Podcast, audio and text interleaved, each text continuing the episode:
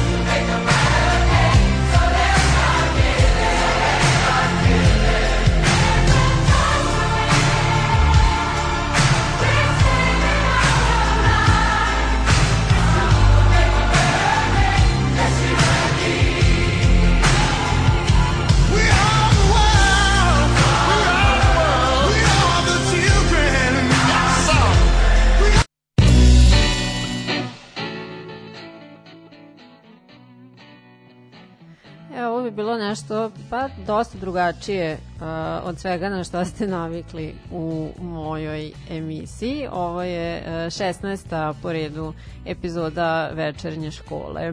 Današnja tema je Live Aid 85. To je humanitarni koncert održan 13. jula 85 kao inicijativa za pomoć uh, gladnima i siromašnima u Etiopiji.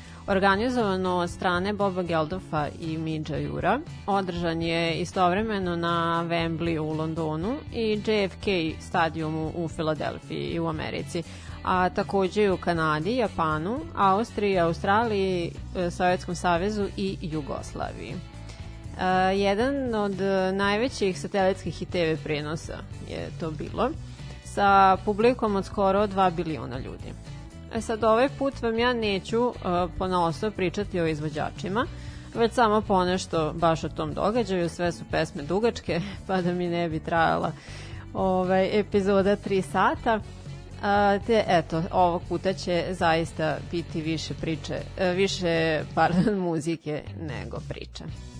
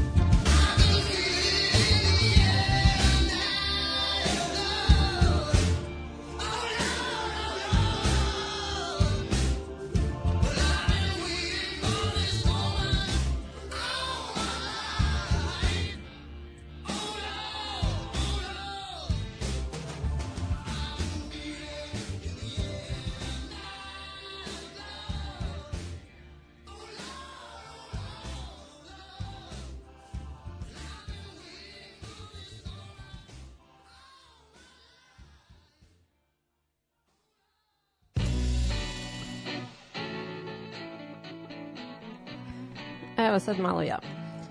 A, naime, Geldof i Jure su napre osnovali super grupu pod nazivom Band Aid, koja je snimila pesmu Do They Know It's Christmas, a, u kojoj su učestvovale najveće zvezde iz Velike Britanije i iz Irske. Američki a, pandan tome bi bila a, numera We Are The World, koju sam vam pustila na samom početku. Um, između ostalih i Boy George je učestvovao u tom projektu i zapravo je njegova ideja bila da se organizuje humanitarni koncert velikih razmera.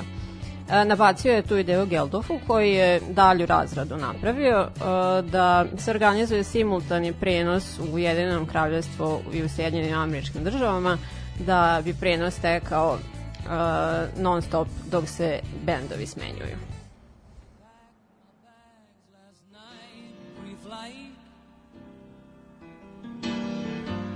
Zero hour, 9 a.m. And I'm gonna be high as a kite by then.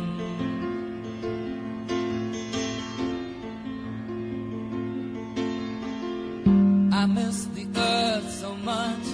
I miss my wife. It's lonely out in space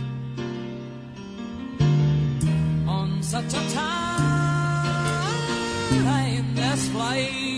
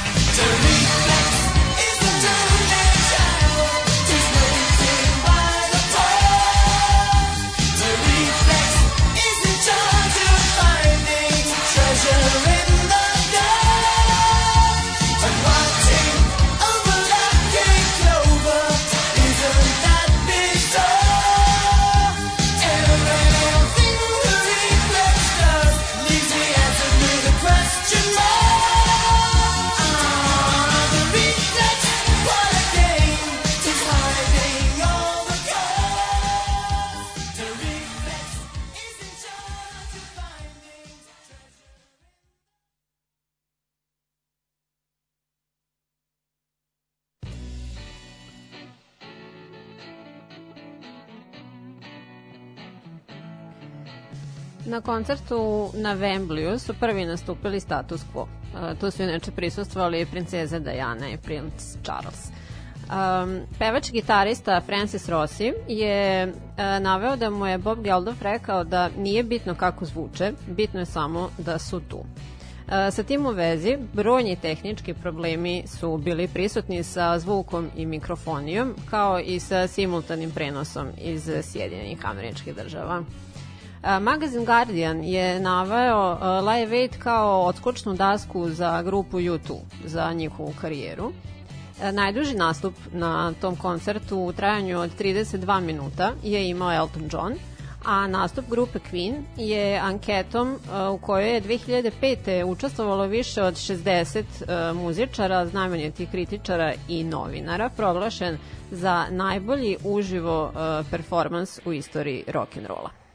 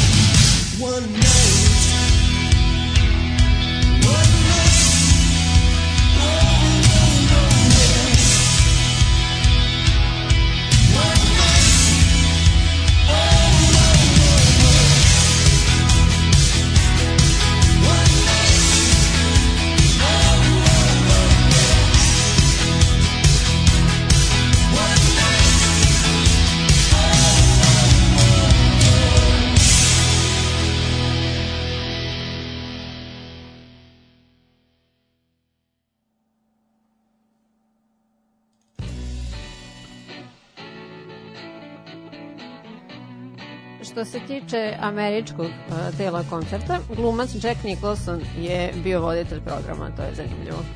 A, inače, Phil Collins je uspeo u tom danu da nastupi na oba koncerta. Najpre u Londonu, iz kog je kasnije helikopterom a, doleteo u Filadelfiju. To je od strane e, nekih, e, pa ne znam, fanova, kritičara i ostalo karakterisano kao foliranje, šta ja znam. Um, on je svirao solo sa Claptonom i svirao je u nečemu okarakterisanom kao najgori reunion svih vremena što bi bio nastup članova Led Zeppelin nakon smrti Johna Bonama. Oni su se međusobno krivili za lošu svirku, uh, Collins i ostali momci, a snimak tog nastupa je strogo zabranjen za dalju distribuciju i izuzet je iz DVD izdanja koncerta. Uh, Evo nekih imena koja su odbila da nastupe na ovom događaju. Na primer Prince, on je naveo u tom trenutku da želi da se penzioniše od uživo nastupa.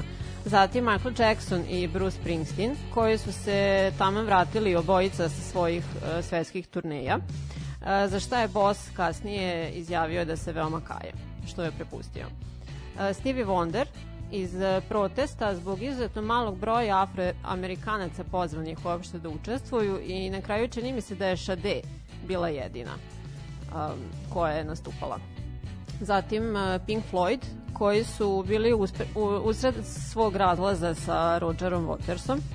Iako je Gilmore uh, svirao tokom nastupa sa Brianom Ferryom kao uh, gitarista.